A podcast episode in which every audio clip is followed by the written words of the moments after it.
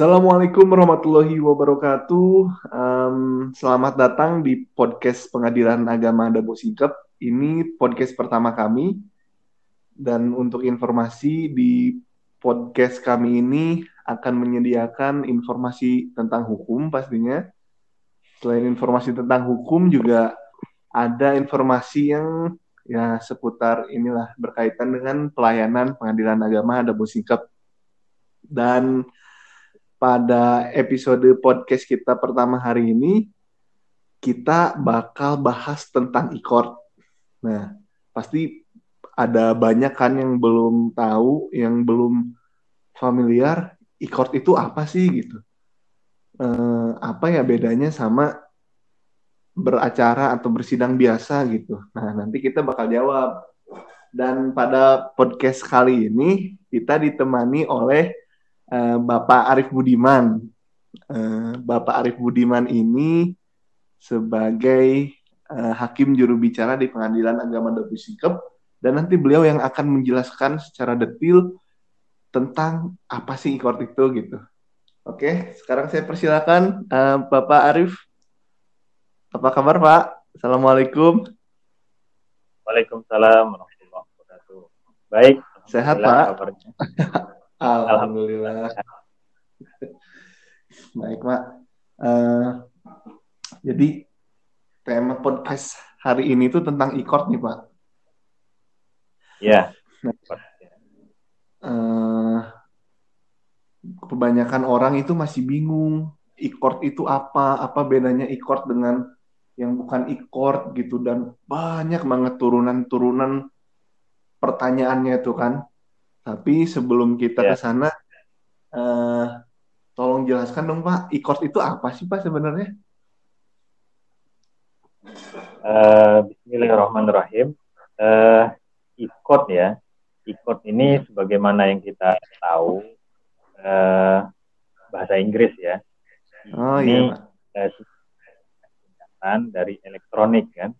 Ya, oh. di mana-mana sih instansi kan sekarang sudah menerapkan uh, layanan berbasis elektronik.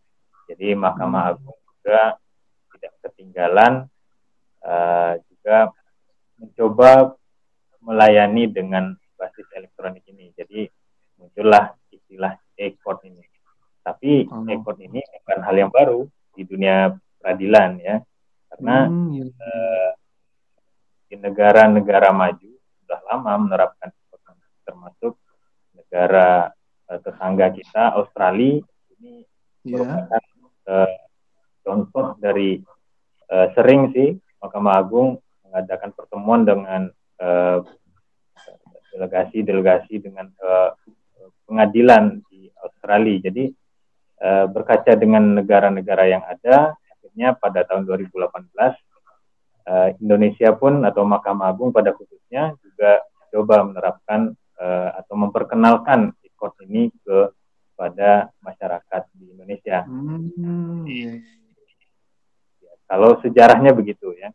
Jadi pada tahun 2018 itu aku mengeluarkan uh, peraturan Mahkamah Agung di nomor nomor 3 14 tentang uh, administrasi uh, perkara di pengadilan secara elektronik gitu.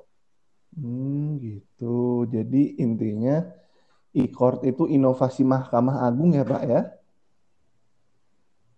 Ya, termasuk salah satu inovasi karena dengan kemajuan teknologi ini ya, jadi hmm. eh, dengan semuanya berbasis elektronik ya Mahkamah Agung pun ikut gitu ya. Walaupun sebelumnya juga Mahkamah Agung setiap ada eh, perkembangan-perkembangan dulu Mahkamah Agung juga menerapkan paperless ya, juga hmm. mengurangi penggunaan kertas uh, sehingga lebih menggunakan digital gitu ya.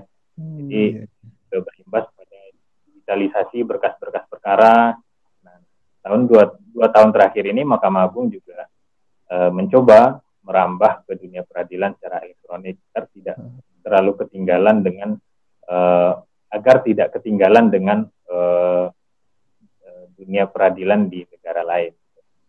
Oh iya. Ya, iya. pada intinya ekor ini memberikan pelayanan prima kepada masyarakat pencari keadilan dengan memanjakan dan memberikan kemudahan dalam menjalani proses perkara yang diajukannya. Oh gitu. Jadi ini canggih juga ya Pak Mahkamah Agung Pak. ya, ya kita sebenarnya tidak mau ketinggalan gitu kan. Hmm, Jadi betul, betul, kalau betul. memberikan pelayanan yang lebih bagus kepada masyarakat, kenapa tidak gitu kan? Ah, Toh iya. kita juga kan walaupun dicoba dulu, tapi ya Insya Allah kita bisa. Gitu. Oke oke mantap. Nah uh, kemudian nih Pak, bedanya ikut sama kalau kita beracara biasa tuh apa sih kan kalau misalkan beracara biasa eh, daftar panggil sidang gitu kan datang ke pengadilan kalau ikut itu apa cukup daftar lewat HP sidang lewat HP video call atau seperti apa sih Pak? Nah kalau perkara atau perkara yang telah diajukan secara ekot ini eh, tentu sangat berbeda dengan perkara yang diajukan secara biasa ya atau kita bisa istilahkan hmm. ya manual lah ya. yang biasa ber, hmm. di pengadilan itu sudah tahu gitu kan yang pernah berperkara yeah. Sebelum adanya ikot ini pasti menjalaninya secara manual di mana setiap yeah. persidangan dari mulai pendaftaran itu ya eh, individu atau masyarakat pencari keadilan itu tak terkecuali dengan advokatnya juga harus datang ke pengadilan gitu kan. Jadi hmm, kalau iya. ketika ada ikut ini uh, dari mulai proses pendaftaran sampai perkara ini selesai ini dilakukan secara elektronik. Jadi tidak oh. perlu datang pengadilan di setiap agenda persidangan ya, bukan setiap tapi tidak selalu harus datang karena ada agenda-agenda oh, iya, iya, iya. para pihak untuk datang gitu ya. Jadi uh, pada intinya ekspor ini memberikan banyak kemudahan ya. Yang pertama itu iya, iya. iya. kemudahan dalam proses pendaftaran uh, masyarakat tidak perlu datang ke pengadilan ya. atau hmm, yeah. perlu datang mereka cukup uh, mengakses uh, aplikasi e-court uh, dan uh, membuat akun dan kemudian terdaftar dan kemudian melanjutkan pendaftaran Oh gitu. Uh, salah uh, kemudahan yang lainnya adalah ketika mereka uh, membayar panjar biaya perkara mulai dari yeah. biaya perkara itu sudah otomatis otomatis dari uh, aplikasi yang menaksir biaya perkara. Jadi uh, total panjar biaya perkara yang harus yang harus dibayarkan oleh pihak itu pun sudah bisa diketahui uh, di dalam aplikasi ini. Jadi mereka tinggal bayar uh, uh, apa uh, bisa melalui mobile banking atau internet banking dan jangan lupa screenshot atau bukti pembayarannya Oh, berarti udah kayak ini ya Pak, kayak belanja di online shop gitu. Kita habis klik langsung bayar gitu, terverifikasi sendiri gitu ya Pak?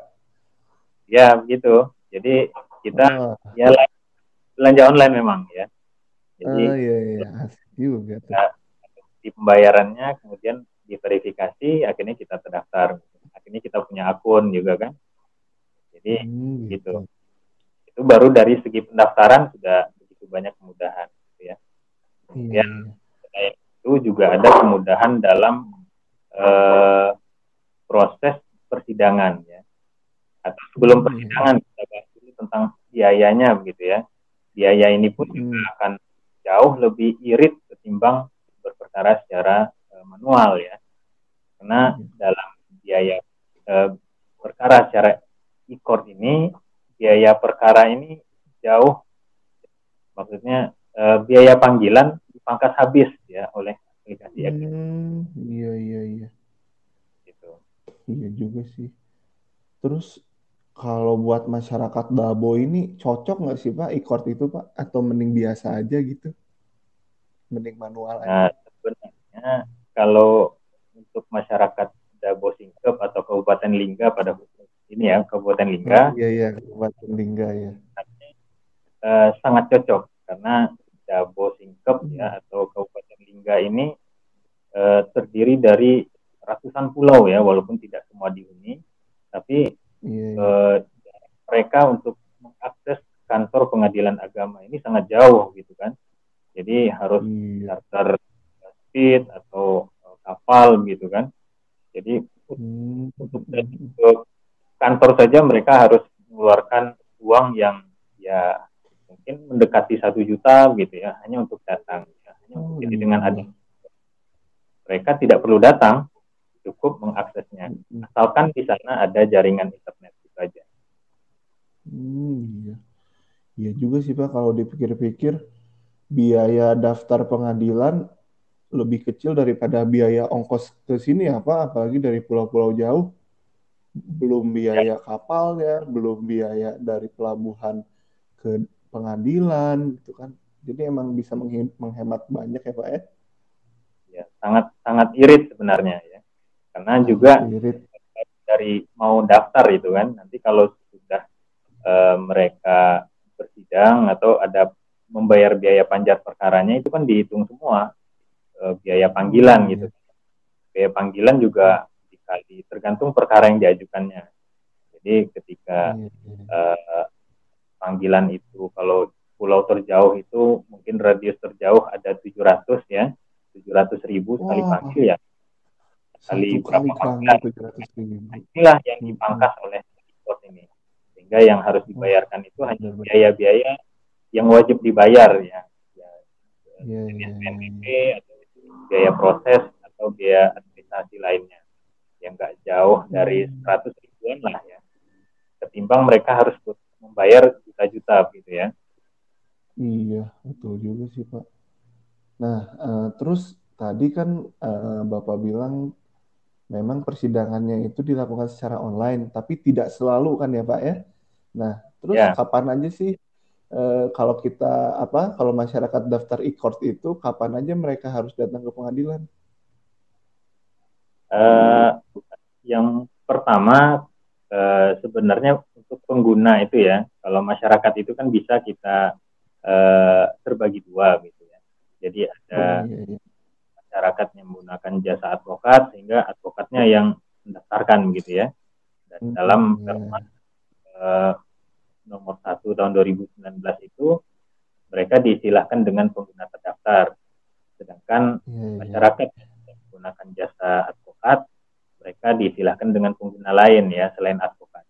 Hmm. Jadi ada sedikit perbedaan. Jadi ketika uh, sebenarnya masyarakat pun bisa kalau mereka mampu dan paham dengan uh, aplikasi e-court ini, mereka juga bisa membuat akun sendiri gitu ya.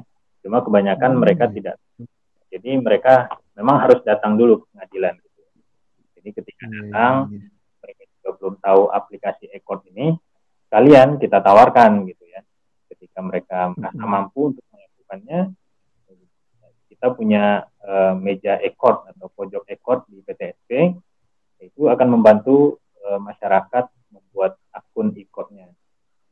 Oh, Jadi gitu. kalau advokat ya mereka ya, mungkin lebih paham cepat pahamnya jadi mereka iya, cukup yeah, yeah. dari uh, mengakses bisa dari rumahnya gitu ya atau dari kantor mereka gitu jadi hmm. kalau tadi pertanyaannya uh, kapan aja harus datang gitu ya uh, biasanya yeah. ya pas pendaftaran kalau masyarakat ya kalau masyarakat pas hmm. pendaftaran mereka datang mereka kita bikinkan uh, akun ikutnya kemudian yeah. uh, mereka bikin gugatan sendiri ya bikin gugatan hmm. sendiri upload sendiri yaitu membayar sendiri sampai nanti eh, persidangan pertama mereka harus datang karena oh, media. Nah, kemudian persidangan berikutnya eh, seperti eh, setelah mediasi itu eh, jawab menjawab baik itu jawaban replik duplik itu mereka tidak perlu datang mereka cukup mengakses hmm.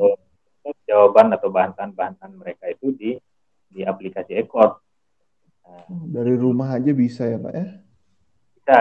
Jadi Ekor ini juga sangat memberikan kemudahan bukan dari segi eh, apa eh, biaya saja, tapi juga memberikan kemudahan di waktu ya. Jadi hmm. Meninggalkan pekerjaan pun bisa sambil bekerja di kantor mereka juga bisa bersidang gitu ya. Tinggal kirim lewat HP gitu ya Pak ya? Bisa, bisa lewat HP atau lewat hmm. desktop PC mereka juga bisa. Jadi sangat, sangat hmm. menguntungkan bagi mereka. Gitu. Iya, iya. Terus Pak, kalau jadwal sidangnya itu kan tadi bisa lebih cepat. Nah, jadwal sidangnya itu apa apa sefleksibel apa sih Pak? Apa bisa misalkan hari Senin eh, jawaban, hari Selasa replik, Rabu duplik gitu bisa Pak? Atau eh, kalau sidang manual kan tundaannya tuh satu minggu, satu minggu atau seperti apa sih Pak? Waktu yang di apa dalam ikor itu?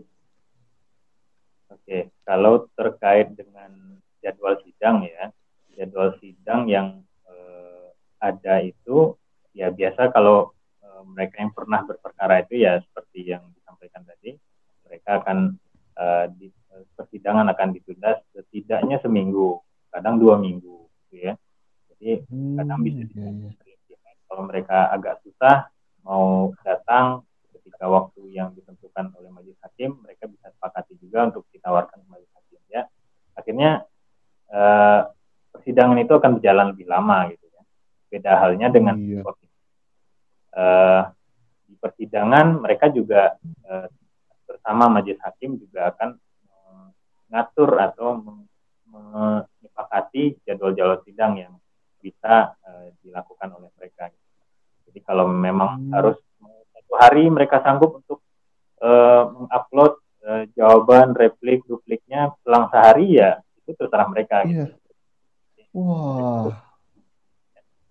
Nah, apalagi biasanya kan kalau sidang eh, secara manual itu kalau sudah ada jawaban, replik, duplik itu kan e, minimal itu ya rata-rata satu bulan itu belum tentu selesai gitu kan.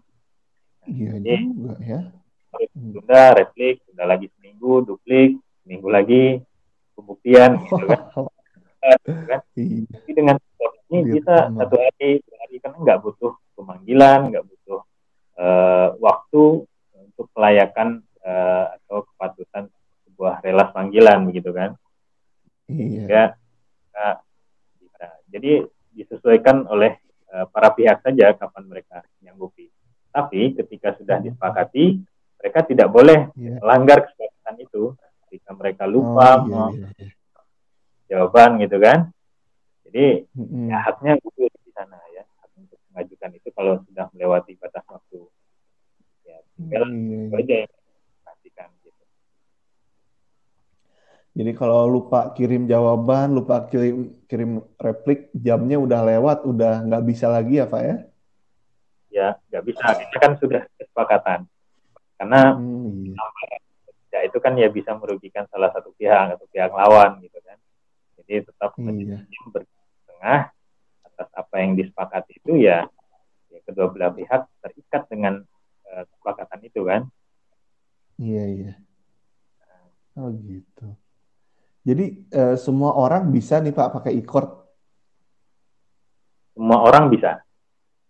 Oh semua ya, orang bisa. Jadi bukan uh, hanya advokat aja ya? Uh, enggak ya. Ketika tahun 2018 pertama e-court ini diperkenalkan, memang yang bisa menggunakan itu hanya advokat ya silakan hmm, dengan iya, iya. jadi uh, sesuai uh, dikembangkan lagi pada tahun 2019 lahirnya Perma nomor 1 2019 itu uh, memberikan kesempatan yang sama kepada selain advokat uh, termasuk juga jaksa uh, bisa mengajukan secara di court di pengadilan agama kita kan enggak uh, tidak ada iya. dikenal kita gitu ya. Pidana ya. Iya, ya. Uh, yang ada kita cuma uh, uh, pengguna lain itu ya paling uh, instansi lain yang mempunyai apa namanya uh, penasihat hukumnya atau biro hukumnya begitu kan itu termasuk yeah. dengan, uh, di kategori pengguna lain gitu. termasuk juga masyarakat masyarakat oh, yeah. uh, masyarakat biasa gitu ya okay, okay. sekarang ini semuanya bisa mengajukan perkara secara Uh, bener-bener. Jadi uh, semua orang punya akses yang sama, punya kesempatan yang sama. Iya, uh, benar. Oh ya, Pak. Kalau sebenarnya pengacara sih rata-rata sudah tahu ya, Pak ya, kalau cara daftar secara e-court itu, tapi buat ini aja, buat gambaran umum aja, kalau pengacara mau daftar e-court itu caranya gimana sih, Pak? Kalau pengacara ya, kalau pengacara ya. Kan e-court itu yang penting eh, mereka harus tahu bahwa uh, legalitas mereka sebagai pengacara itu sudah uh, cukup gitu ya. Uh, yang penting hmm, mereka uh, uh, kartu anggota yang masih berlaku, jangan yang sudah ada luar sah begitu ya. Kemudian uh, mereka sudah ada berita acara sumpah yang ini nanti akan di, dilampirkan dalam uh, pendaftaran ataupun kekuatan akun akunnya itu. Nah, kemudian yeah. mereka menyiapkan email sebagai alamat domisili elektroniknya. Gitu. Uh, mereka tinggal mengakses aplikasi Ekord, melakukan registrasi online uh, sampai uh, nanti bisa melakukan aktivasi akunnya gitu. Nanti data-data hmm. semua kartu-kartu kartu anggota atau KTA-nya itu juga dijadikan uh, di-upload ke aplikasi Ekord itu gitu. Oh iya iya. Simpel aja sih kalau yang ya. simpel aja kalau pengacara ya. Yang penting dia sudah disumpah, sudah punya kartu tanda anggota, lalu ya. punya email ya Pak ya? Ah oke okay. email ya. Hmm. Iya iya.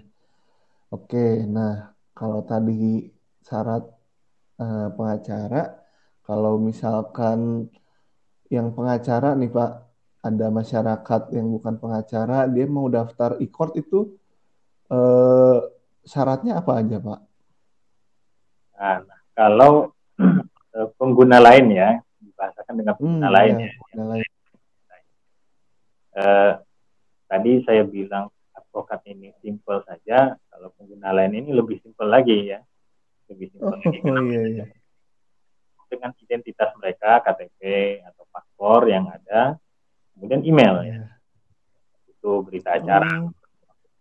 advokatnya juga nggak perlu gitu kan nah, iya kan, ya datang ini datang ke meja ekor yang ada di PTSP pengadilan uh, atau kalau mereka mampu bikin saja sendiri di rumah juga bisa gitu ya cuma biasanya hmm. aplikasi uh, yang bukan seperti layaknya Facebook yang sudah dikenal gitu ya ya tentunya iya. biasanya yeah. masih arahan atau uh, panduan dari uh, petugas-petugas dari PTSP pengadilan agama oh. itu aja yang mereka lakukan malah lebih simpel lagi ya pak ya kalau pengguna lain itu ya ya kalau iya, selanjutnya kalau... sama pas pendaftaran ya sama juga akan proses pendaftaran yang dilakukan advokat ya sama dengan proses yang dilakukan oleh pengguna lain ini. Cuma bedanya yeah. pendapat syaratnya lebih agak lebih banyak di advokat timbang yang lain. Hmm. Kalau pengguna lain kan misalkan masyarakat masyarakat biasa kan mereka tidak perlu disumpah dulu ya Pak ya untuk jadi masyarakat. Ya. okay, ya kan okay. ya. Nah, Pak, eh, kalau misalkan orang itu mengajukan beracara secara e-court, itu otomatis eh, langsung bisa kirim-kirim jawaban replik-duplik dari rumah atau harus ada persetujuan yang digugat sih, Pak?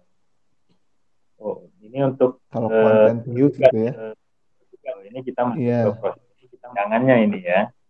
Uh, memang hmm. ini perlu juga sampaikan biar masyarakat tahu gitu ya karena setiap hmm. perkara yang diajukan oleh penggugat itu tidak semuanya berujung kepada ekor gitu ya dalam arti hmm. ketika tergugat uh, atau orang yang digugat oleh penggugat ini ya ketika mereka hmm. uh, menyatakan tidak setuju untuk berperkara secara elektronik nah aturannya uh, perkara ekor ini kembali menjadi perkara atau beralih menjadi perkara secara biasa atau manual gitu. Hmm. Ini iya, haknya iya, iya. juga, jadi tidak bisa dipaksa tergugat untuk beracara, ber, beracara secara ekor gitu. Iya, iya, iya, iya. Tapi beda halnya ketika uh, tergugat setuju gitu ya. Kalau mereka setuju yeah. atau setuju untuk beracara secara ekor ini, uh, tergugat terlebih dahulu bikin surat persetujuan ya, surat pernyataan setuju oh. um, beracara secara ekor. Nanti emailnya akan didaftarkan dan dibikinkan akun oleh meja ekor yang ada di PTSP. Nah, dengan adanya persetujuan ini, uh, maka perkara akan berjalan menjadi litigasi gitu. Oh gitu. Nah persetujuan tergugatnya itu dari rumah aja atau harus di persidangan, Pak?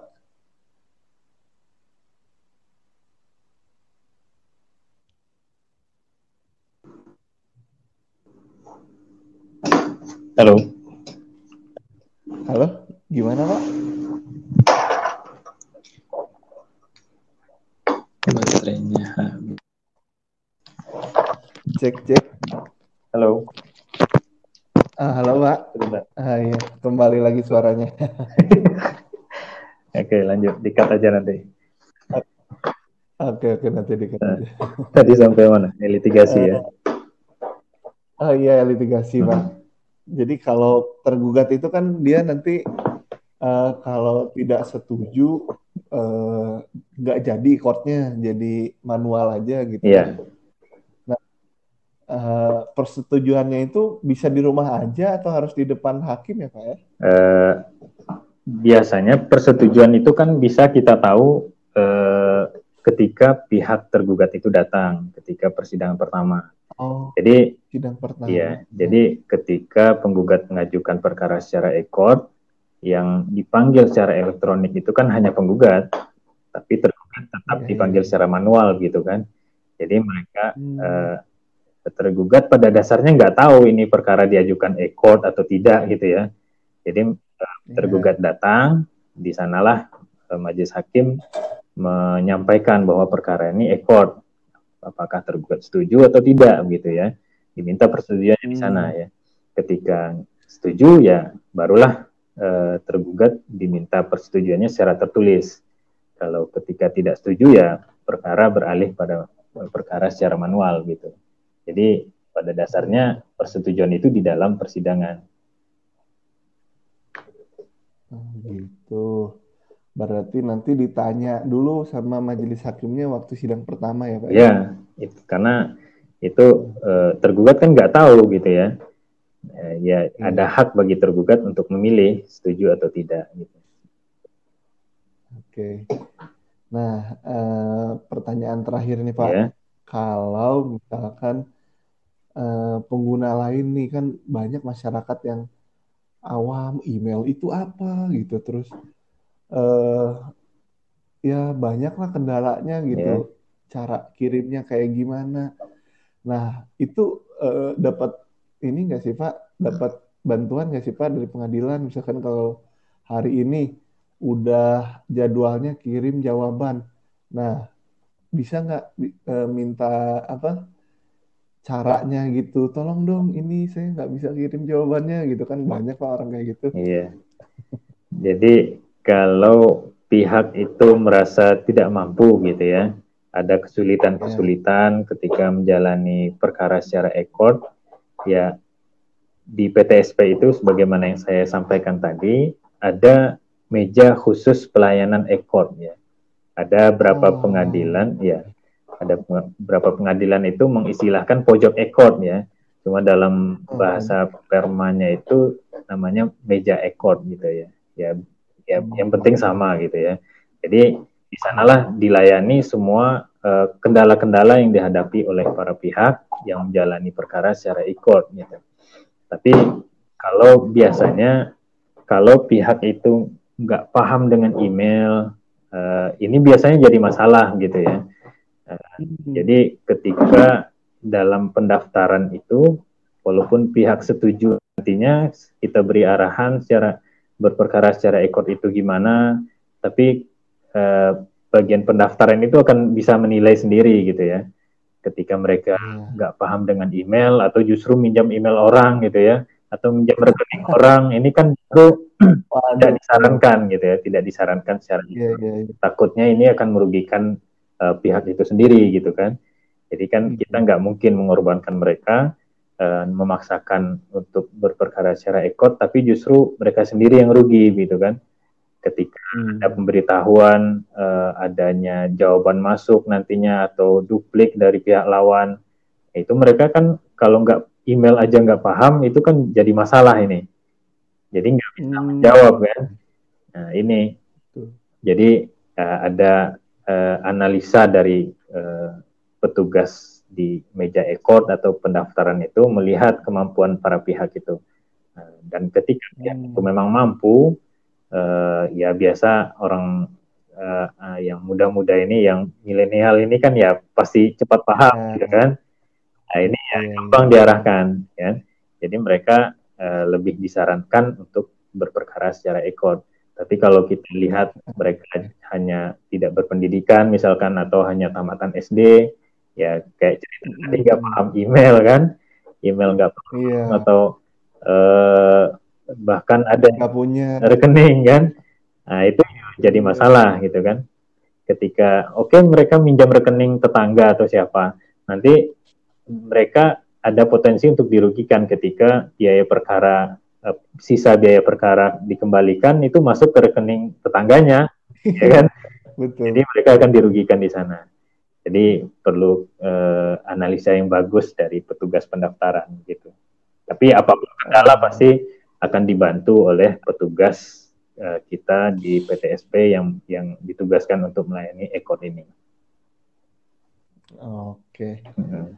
oke, uh, udah lengkap banget tuh tadi semua seluk beluk informasi tentang ikor. Yeah. Jadi uh, buat masyarakat nih yang masih bingung-bingung ikor itu apa, cara daftarnya gimana, harus apa ya dan sebagainya. Yeah Tadi ya. udah dijawab semuanya ya Pak ya? Sudah. Ya sedikit banyaknya sudah. Tapi kalau masyarakat masih ada, pasti banyak pertanyaan-pertanyaan nanti ya.